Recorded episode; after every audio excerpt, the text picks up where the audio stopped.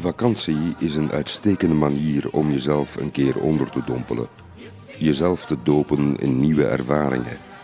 Je bekende en vertrouwde wereld eventjes doorheen te schudden. Mijn vakantiebestemming dit jaar is Colorado. Na de dood van mijn vader net voor de zomer wil ik even naar de hoogvlakte, waar de kop soms in de wolken steekt, waar nevel, zon en mist je gedachten zeven.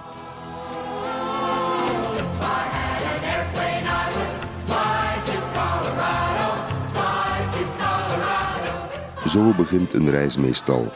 Je rijdt naar de luchthaven, je checkt in bij Terminal B van LaGuardia Airport in New York. Je eet een verdroogde, voorverpakte sandwich. Je kijkt wat rond en je stapt het vliegtuig in. Op de vliegreis mors ik wat fruitsap op mijn broek door de heftige turbulentie.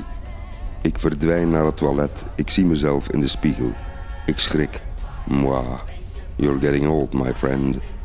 Je spoelt door, je schrikt nog een keer. De pot vult zich met blauwe vloeistof en kolkt weg.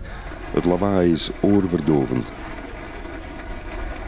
Ach, reizen per vliegtuig. Wie naar Denver vliegt, doet dat het beste midden in de week. Het scheelt enkele honderden dollars. Als ik de luchthaventerminal uitkom, is de hitte welkom na de ijskoude airco op het vliegtuig. Ik haal samen met mijn vrouw Emma de huurauto op. Ik begin te rijden, ik ben blij. Ik ontdooi on the road. On the road again. Just can't wait to get on the road again.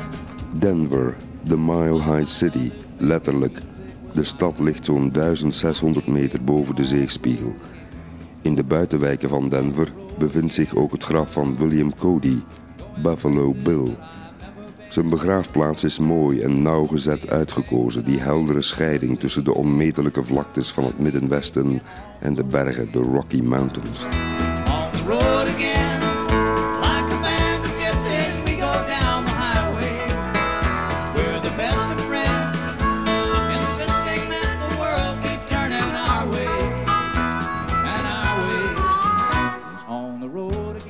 Hoogteziek word je in Denver niet. Dit is wel een fascinerende stad. Steeds meer Amerikanen voelen zich aangetrokken door deze nieuwe metropool. Denver was altijd al een stad van boom en bust, van bloei en teloorgang op en af. Veel start-ups in Denver. Kleine computerbedrijfjes schieten als paddenstoelen uit de grond. In vervallen buurten gaan al maar meer oude huizen tegen de vlakte. Systematisch worden ze vervangen door nieuwe condo's, nieuwe appartementsgebouwen met kantoren en flats. In Denver leer ik een leuke geschiedenis als ik er een paar Vans koop. De schoen die oorspronkelijk werd gemaakt voor de skaters van Amerika.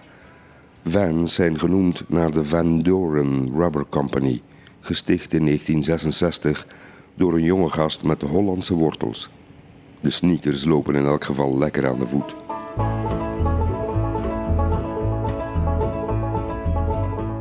In Denver logeren mijn vrouw en ik op de dertiende verdieping van de Curtis Hotel. Het is er erg druk in de lobby door een congres van dierenartsen.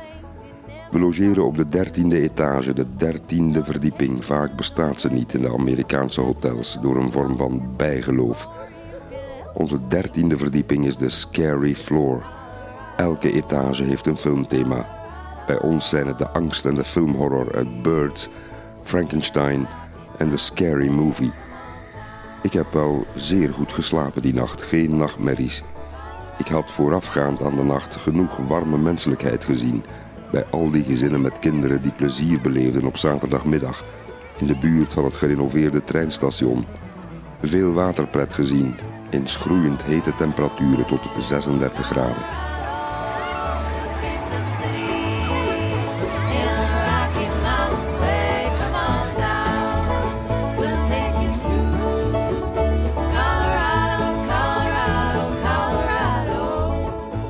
Colorado bereizen maakt gelukkig.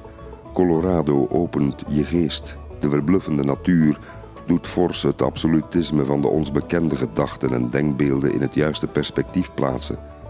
Het is ook een staat waar je makkelijk vrienden maakt. We sloten verschillende mensen in ons hart op amper elf dagen tijd.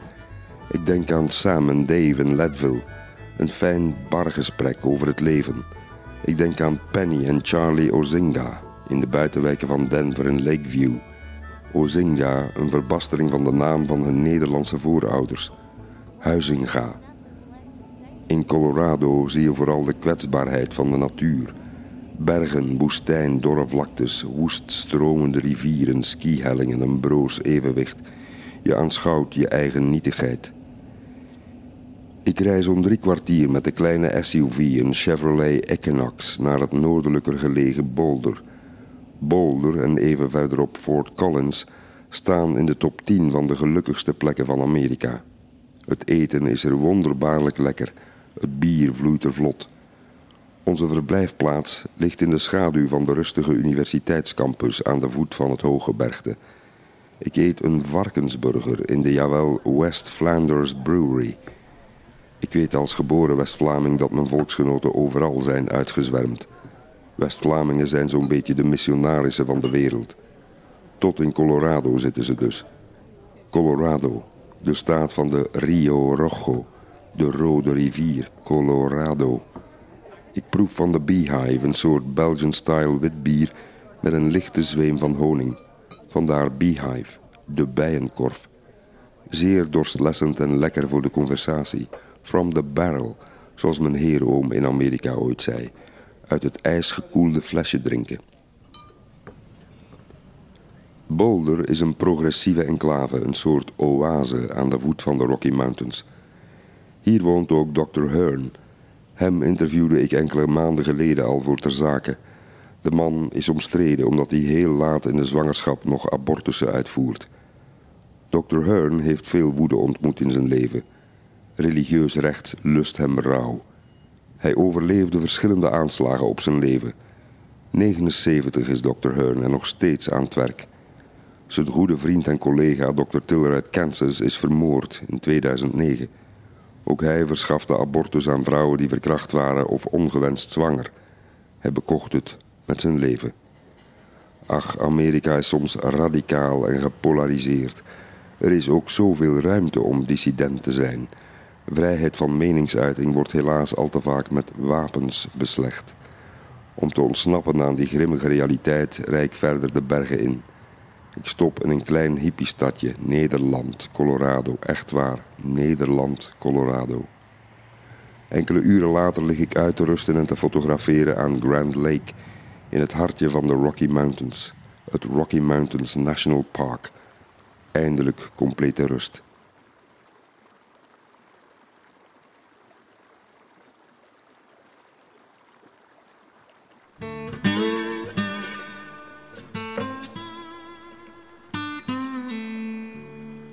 Colorado trekt veel cannabisgebruikers aan. Bij een referendum in november 2012 werd het recreatieve gebruik van wiet legaal gemaakt. Zelf ben ik geen gebruiker. Niet uit principe, maar ik ken mezelf.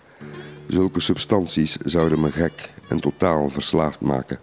Van een lekker lokaal biertje of een plaatselijke wijn word ik al meer dan haai genoeg. Op grote hoogte werkt de alcohol ook een pak sneller. Colorado is trouwens ongeveer de minst obese staat van de VS. Er is veel gezond eten te krijgen, volgens het principe farm to table. Rechtstreeks van de boerderij naar de keuken van het restaurant. Eethuizen vermelden op hun spijskaarten gedetailleerd al hun leveranciers voor hun groente, fruit, melk, vlees of vis.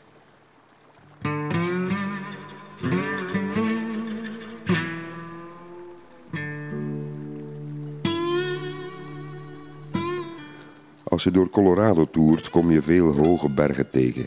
Fourteeners worden ze genoemd. Bergen die hoger zijn dan 4267 meter, 14.000 voet. 53 zulke exemplaren telt Colorado, een record.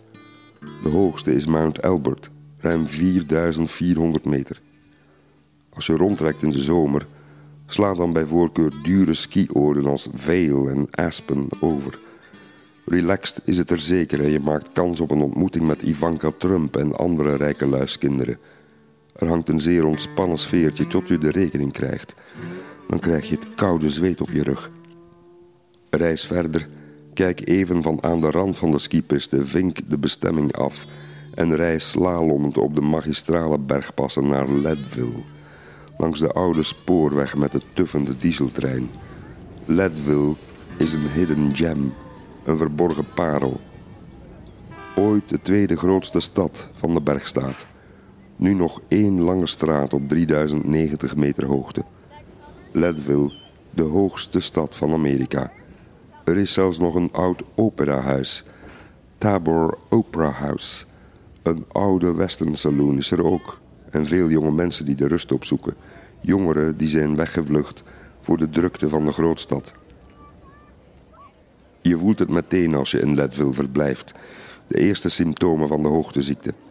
Een beetje ijle hoofdpijn, winderigheid in de darmen zelfs na een lichte maaltijd en dronken na twee biertjes. Leadville was eind 19e eeuw eventjes schatrijk door de goud- en zilvermijnen. Die silver rush kwam snel tot een einde en het stadje kromp van 40.000 zielen naar amper 2000 vandaag. Ik logeer in een hotel vol geschiedenis, het Delaware Hotel met krakende trappen. Een prachtig gebouw uit 1886. Trotse mensen aan de receptie, blij om op die oude plek te werken, ver weg van de snelweg.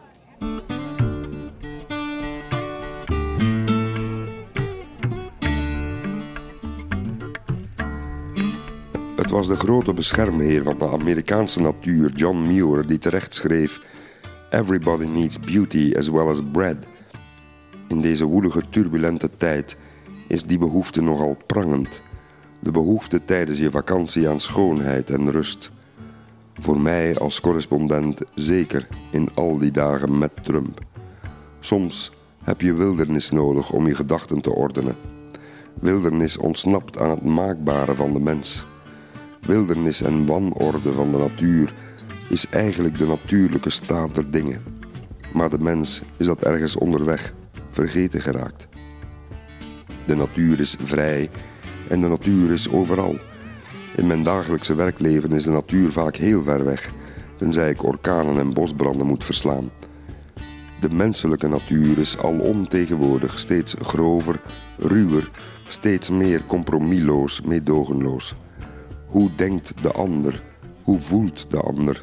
Het lijken vragen die al maar minder in het debat en de heftige discussie over ongeveer alles hun opwachting maken. Roepen en tieren is meer in de mode. Waar is de broodnodige compassie?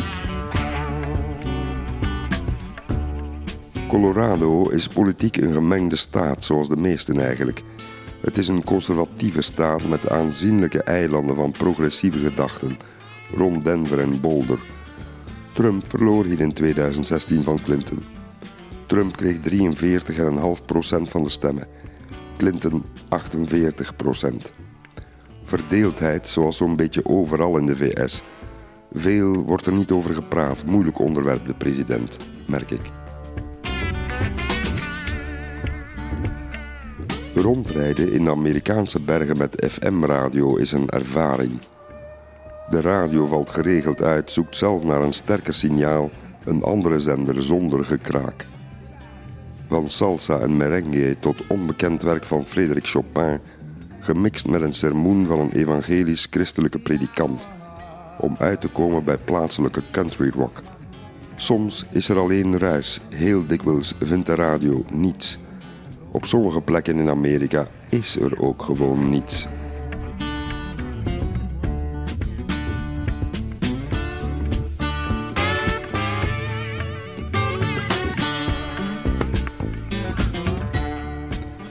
De bergen van Colorado. De Collegiate Mountains, bergen genoemd naar beroemde universiteiten, Mount Harvard, Mount Yale, Mount Princeton, toppen van ruim 4000 meter hoog. Ik houd halt in het mooie plaatsje Buena Vista, Bellevue, mooi zicht, letterlijk. De woeste Arkansas River stroomt erdoor, waarlangs het een paradijs is voor wandelaars, hikers. Op de lange kaarsrechte autorit van Buena Vista naar Alamosa in het zuiden gaat het berglandschap over in een soort woestijn. Dorre stukken grond waar niemand is, waar niemand woont, waar niemand leeft. Om de zoveel kilometer midden in het verlaten land zie ik autovrakken op elkaar gestapeld, puinhopen. Ik zie veel dood en sterven hier. Oude werelden die inkrimpen, verkleumen en naar hun ondergang reizen. De grote leegloop van het Amerikaanse platteland. Onderweg ontmoet ik Kena, een biker. De avond voordien vertelt die heeft hij nog voor zijn leven gevreesd toen iemand hem belaagde met een mes en een geweer. Kena had het aanbod voor hulp bij het onderhoud van zijn motorfiets afgeslagen. Daarop was de man kwaad geworden. Kena is al lang onderweg. Hij komt uit het diepe zuiden van Texas tegen de grens met Mexico aan. Hij is de verschroeiende hitte van ruim 40 graden Celsius ontvlucht. Hij filosofeert terwijl hij zijn Harley opblinkt. Hij gelooft niet meer in bekwaam bestuur voor Amerika, zegt hij. Maar, voegt hij er snel aan toe, er lopen genoeg mensen met een goed hart rond en de landschappen zijn verbluffend. Hij steekt een dikke sigaar op. Dit is the middle of nowhere. Hij geeft een compliment over de natuur in onze thuisstaat, Utah. Verward als hij is door de nummerplaat van onze huurauto. Na een tussentijdse tankbeurt aan een verlaten pomp hoor ik op de publieke radio hoe Trump zich moet verdedigen tegen zijn kritiek op de Amerikaanse inlichtingendiensten. Hysterie op de radio na de top met Poetin. Ik bedenk me dat zowel Poetin en Trump dat goed kunnen chaos creëren en verwarring. Leven in een parallele wereld. Poetin en Trump. Allebei houden ze van de macht, maar regeren vinden ze heel wat minder. Allebei liegen ze graag. Beide zijn ze boos als je ze daarop wijst. Wie kan je eigenlijk nog geloven is een zinnetje dat ik steeds vaker hoor in mijn omgeving. We lijken in een tijd te leven waarin de waarheid dood is verklaard. Ieder heeft zijn eigen waarheid en zijn eigen alternatieve feiten. Er klinkt troost voor mijn kop, vol wanderlust in de auto. Rocky Mountain Radio met heerlijke plaatjes van Roy Orbison, Dionne Warwick, The Youngbloods en The Monkees.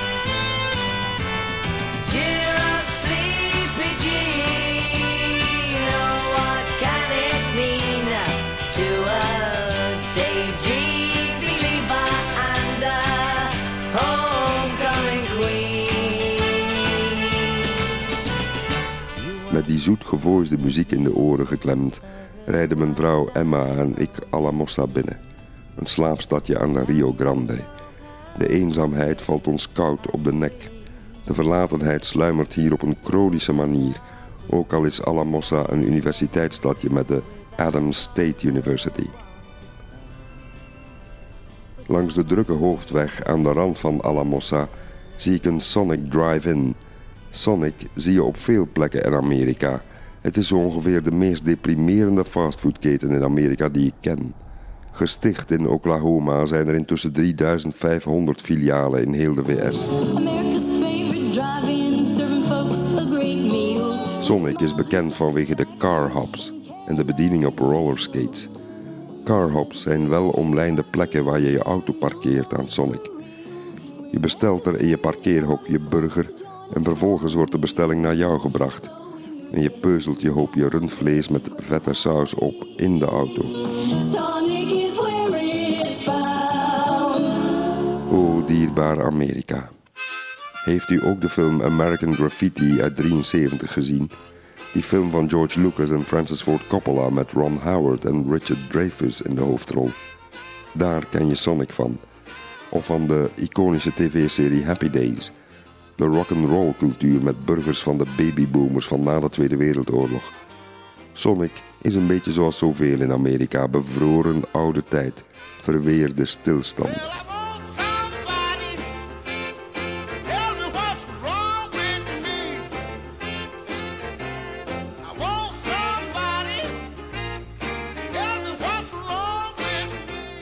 Alamosa schurkt aan tegen de grens met de staat New Mexico.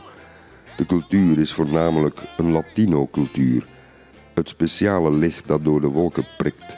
Een licht dat helder is en tegelijk een bevreemdend gevoel van heimwee opwekt. Alamosa lijkt op dit moment van het jaar een beetje op een spookstad. Een gevoel dat mij vaak overvalt in kleinsteeds Amerika. Waar is iedereen? Wat kan je hier eigenlijk doen? Waar is de cinema? Waar komen vrienden samen? Even later toch nog onverwacht geluk en een medicijn tegen het bevreemdende alleengevoel. De San Luis Valley Brewing Company. Het café zit vol, allemaal gezellige locals. Alamosa is geen oord dat toeristen aantrekt. De ober is goedgezind en raadt me een plaatselijk biertje aan. Op deze reis is dat een constante. Overal in Amerika schieten kleine brouwerijtjes als paddenstoelen uit de grond. De IPA, India Pale Ale, gaat met zijn hoppige en bittere nasmaak goed samen met de braadworst en de sappige zuurkool. Emma en ik slenteren in de gietende regen terug naar ons motel, de Valley Inn. Voor onze deur, kamer 182, alweer een ogenblik van onverwachte schoonheid. Er staat een vintage auto geparkeerd, een LaSalle. Dat is een auto die maar een jaar of dertien is gebouwd door General Motors tussen 1927 en 1940. LaSalle was korte tijd een zustermerk van Cadillac. De eigenaar van de wagen ziet me zijn wagen staan bewonderen en komt een praatje maken. Roger is trots op zijn oude kar. Ik rijd er nog 90 per uur mee, zegt hij. Wel ja, soms valt de auto wel een keer stil midden op een lange, eindeloze weg. Dan laat ik me toch gewoon wegslepen. Dan wacht ik een paar uur. De LaSalle is een chique auto, een flinke achtcilinder, een toonbeeld van toenmalig stevig geloof in de toekomst. Een onverwoestbare stalen bak, zo Amerikaans als appelgebak. Op de achterkant van Rogers' auto hangt een leuke sticker. This car climbed Mount Washington. Die sticker brengt me terug naar een reis van vijf jaar geleden toen ik die berg van net geen 2000 meter hoog bezocht. De Mount Washington ligt diep in New Hampshire in de White Mountains. Op de top is de hoogste windsnelheid ooit op aarde gemeten, 370 km per uur. Aan de voet van de berg ligt het feerieke Mount Washington Hotel. Dat hotel ademt één en al geschiedenis. De Wereldbank en het IMF zijn in de statige hotelvertrekken in deze woeste wouden opgericht. De Bretton Woods-conferentie. John Maynard Keynes zat hier mee aan tafel. Ons bestaande economische model is hier min of meer bedisseld in 1944. Wat een plek. Hoe een auto voor de deur van je motelkamer je gedachten heel ver kan doen afdwalen. Op 20 minuten rijden van Alamosa ligt een heel bijzonder natuurpark, de Great Sand Dunes National Park. Het is een uniek natuurfenomeen, de Sahara in Colorado, een woestijn aan de voet van de bergen. Je weet niet wat je ziet. Kameelkrekels, tijgerkevers, allerhande insecten en kleine knaagdieren die enkel hier voorkomen. Een zandvlakte van enkele tientallen vierkante kilometers. Je staart en je blijft staren. Dit is het werk van miljoenen jaren erosie. Heftige winden, water uit de bergen, sedimentvorming. Enkel hier in de zuidoosthoek van Colorado. Dit moet je zien. In de auto bewaren mijn vrouw Emma en ik even de stilte. Op de radio speelt de juiste muziek en de juiste presentatiestem. We offer you some respite from the hassles of the day. Zo is het maar net. Wat respijt voor de dagelijkse beslommeringen. Oasis of Sanity komt uit de boksen gewalst. De zender is KCME, de lokale klassieke radio. Een beetje als Clara Colorado. We rijden door de bergen naar Pueblo. Overal een fel toegetakeld berglandschap. Zware bosbranden hebben hier lelijk huis gehouden aan een verschroeiend hete zomer. Miljoenen bomen staan er grijs en kaal en verbrand bij. Je beeldt je in hoe het vuur zich een weg moet hebben gebaand, hoe het vuur alles verteerde en verwoestte. Hoe de natuur toch terugkrabbelt, maar daar tijd voor nodig heeft. Misschien is dit wel klimaatverandering, in het echt en nu. We zijn al een hele tijd gewaarschuwd en nu is het zover. Pueblo ligt ver van deze bergbossen. We eten er een lekkere BLT-sandwich in de opgekalefaterde stationsbuurt. In Pueblo komen geen nieuwsgierige toeristen behalve wij. Dit is een oude fabriekstad. In Pueblo bestaat de meerderheid van de mensen uit Hispanics. Anderhalf uur noordelijker ligt Manitou Springs. Ik kijk mijn ogen uit als ik het kleine stadje binnenrij. Ik was hier maanden geleden al, begin februari. Toen was het putje winter en leek dit een dode plek, een plek waar je niet naar wilt terugkeren. Nu ben ik toch terug. Wat een metamorfose, alles leeft en iedereen is wakker. De straten lopen vol met bergwandelaars en relaxte vakantiegangers. Manitou Springs is een en al vibratie en energie. Ik drink een heerlijk drip koffie bij Red Dog Coffee House. Een stukje pure chocola van 4 dollar. Later die dag smul ik heerlijk gezonde kost bij Adams Mountain Café. Marokkaanse kip, Senegalese groenten, gegrilde watermeloen en vers gevangen schelvis staan op het menu. Geen burger te bespeuren. We logeren in een heel oud etablissement. Gwyn baat er een heerlijke bed and breakfast uit. Het huis dateert al van 1880. Onze kamer geeft uit op de Pikes Peak, de beroemde berg in de buurt. De eerste ochtend krijgen we een met veel liefde gemaakt ontbijt geserveerd. We leren meteen nieuwe vrienden kennen. Penny, 45, met haar nichtje van 16, Maya. Het klikt meteen. Penny vraagt of er in Europa veel om Trump gelachen wordt. Ik zeg haar dat hij de Belgen even hard verdeelt als de Amerikanen. En daar moet ze toch even van schrikken. Je moet de Amerikanen begrijpen, zegt ze. Mensen hebben uit pure wanhoop voor Trump gestemd, omdat hij zo'n beetje de vleesgeworden hoop is van de enorme drang naar verandering. Een agent of change noemt ze Trump. Al vermoedt ze dat de echte verandering maar zal plaatsvinden in het tijdperk na Trump. We spreken af om met elkaar in contact te blijven. Ach, u kent dat, de illusies van vakantie. Zo vaak worden plannen gemaakt voor later en meestal komt het er niet of nooit van. En toch, een half uurtje later ziet Penny ons terug en komt ze de trap opgerend om gegevens uit te wisselen. We zullen haar dagen later effectief terugzien in Denver. Penny is fotografe. Pikes Peak is een dreigende berg als er rommelende wolkenpartijen boven hangen. De Ute-Indianen noemden deze hoge heuvel de berg van de zon. Elk jaar komen zo'n half miljoen mensen hem beklimmen. Tot voor kort kon je de berg op met een oud treintje uit 1891, de Pikes Peak Cog Railway. Helaas is de trein zo caduc dat hij sinds de lente niet meer de berg op mag. Het was een Zwitsers dieseltreintje zoals je ze in de Alpen ook wel een keer ziet. Ook dat is vaak Amerika. Infrastructuur die het niet doet. Ooit fantastisch en een wonder van techniek. Maar nu staat het stil of is het in verval. 10 miljoen dollar investeringen zijn er nodig om het spoor en de treinlijn naar de bergtop te herstellen. Pas vanaf 2020 zal het treinavontuur naar Pikes Peak weer in bedrijf komen. Een tochtje van twee uur naar boven en twee uur naar beneden. Er is nog een alternatief. De tuin van de goden. The Garden of the Gods. En dat is niet gelogen. Een prachtige collectie van rode bergen en grandioze rode rotsen. Rotsen zo hoog als de middeleeuwse kathedraaltorens. Rotsformaties van 290 miljoen jaar oud. Niet ver van Manitou Springs ligt Colorado Springs.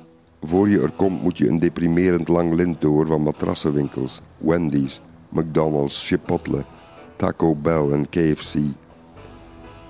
In Colorado Springs vind je ook de US Air Force Academy, een van de strengste militaire scholen van de VS. De militairen zorgen voor flink wat omzetcijfer in de horeca van Colorado Springs. De stad barst uit zijn voegen. Colorado Springs is een aantrekkingspoor voor jonge ondernemers en voor veel evangelische christenen uit het hele land. De belastingkortingen spelen een grote rol in de aantrekkingskracht. Colorado Springs is een fenomeen. Het lijkt bij momenten op een soort theocratie, waar mensen uit heel Amerika naartoe vluchten om een christelijk leven te leiden ver van de grootstad, ver van misdaad en vervuiling.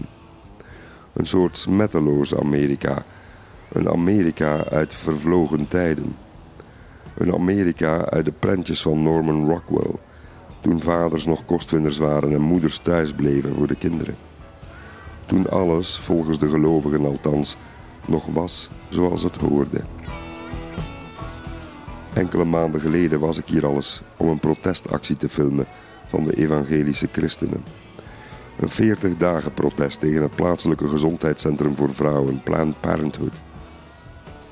In december 2015 vielen nog drie doden in dat centrum toen Robert Louis Deere Jr. drie mensen doodschoot met zijn AK-47 geweer. Deere noemde zich een strijder voor het ongeboren leven. A warrior for the babies. De schutter zit nu in een psychiatrische instelling na zijn daad van terreur. De mannen en vrouwen die ik ontmoet bij het protest zijn uiterst vriendelijk, ook al zijn het eigenlijk christelijke fundamentalisten. Abortus kan niet en nooit, zeggen ze. Elk leven is heilig, zegt Michelle Mason. Michelle heeft negen kinderen. Michelle vertelt op de televisie dat ze nu al erg verlangt naar de hemel, waar geen ziekte en geen zorgen meer bestaan. Een van haar dochters vertelt ons dat ze nooit seks zal hebben voor ze trouwt. Een andere man zegt dat abortus altijd verboden moet blijven, zelfs als zijn eigen dochter zou worden verkracht. Ik stel dat zo vaak vast in de VS. Die dam die tussen veel Amerikanen en hun geluk inzit. Ze praten hun ongeluk weg. Ze blijven maar praten, maar houden nooit op. Ze zijn wanhopig om te praten. Als je tussen de regels probeert te luisteren, hoor je hun verlangen en gesmacht naar geluk. Je hoort het bijna knisperen. Colorado Springs is heel apart. De stad legaliseerde als een van de weinigen in Colorado niet het vrije tijdsgebruik van cannabis, wel voor medische doeleinden. Colorado Springs lijkt nu spijt te hebben van die beslissing, omdat het daardoor miljoenen extra belastinginkomsten op legale wiet misloopt. It's all about the money. In Colorado Springs is er nog ruimte zat. Rare kornuiten hier, zegt Maggie, die ik ontmoet in de westernwinkel aan de rand van de stad. Cavender's Western Outfitter bevindt zich in een van de vele schreeuwlelijke industrieterreinen annex winkelcentra in de buurt. Ik koop er een werkmansbroek van 40 dollar, een Levi's 517, een spijkerbroekmodel uit 1969. Maggie haat Colorado Springs, hoewel ze er toch woont en werkt. Een klein huis is hier nog net betaalbaar, vertelt ze. 1200 dollar per maand betaal ik voor een flatje voor mezelf en mijn dochter. Maggie is een alleenstaande moeder. Haar man, een zakenman van Duitse kom af, liet haar in de steek. Hier zit ze nu met haar dochter van negen. Ze heeft luxe gekend, zegt ze, toen ze in Florida, Californië en Hawaii woonde. Nu behoort ze tot de werkende armen, krabbend om rond te komen. Met haar zware Poolse accent ergert ze zich aan de ruwe cowboys uit Colorado, die in haar winkel op zoek zijn naar een westernriem of een nieuwe Stetsonhoed. Ze ergert zich aan de hangjongeren in de tankstations die sigaretten staan te roken. Ze heeft zo'n heimwee naar Polen, zegt ze. Maar teruggaan is geen optie. We nemen afscheid. Ze moest duidelijk haar hart luchten. Mijn vrouw Emma lokt dat altijd uit. Haar lieve gezicht doet de verhalen bij andere mensen eruit gulpen. Even later zien we Maggie op de parking een sigaret staan roken aan haar auto. Het is een luie vrijdagmiddag in Colorado Springs. Als we terugrijden naar het hotel, zien we aan de verkeerslichten een motorrijder in korte broek op zijn Harley. Op zijn heup een pistool. Welkom in Amerika. Hier moet je uitkijken met wie je ruzie zou willen stoken.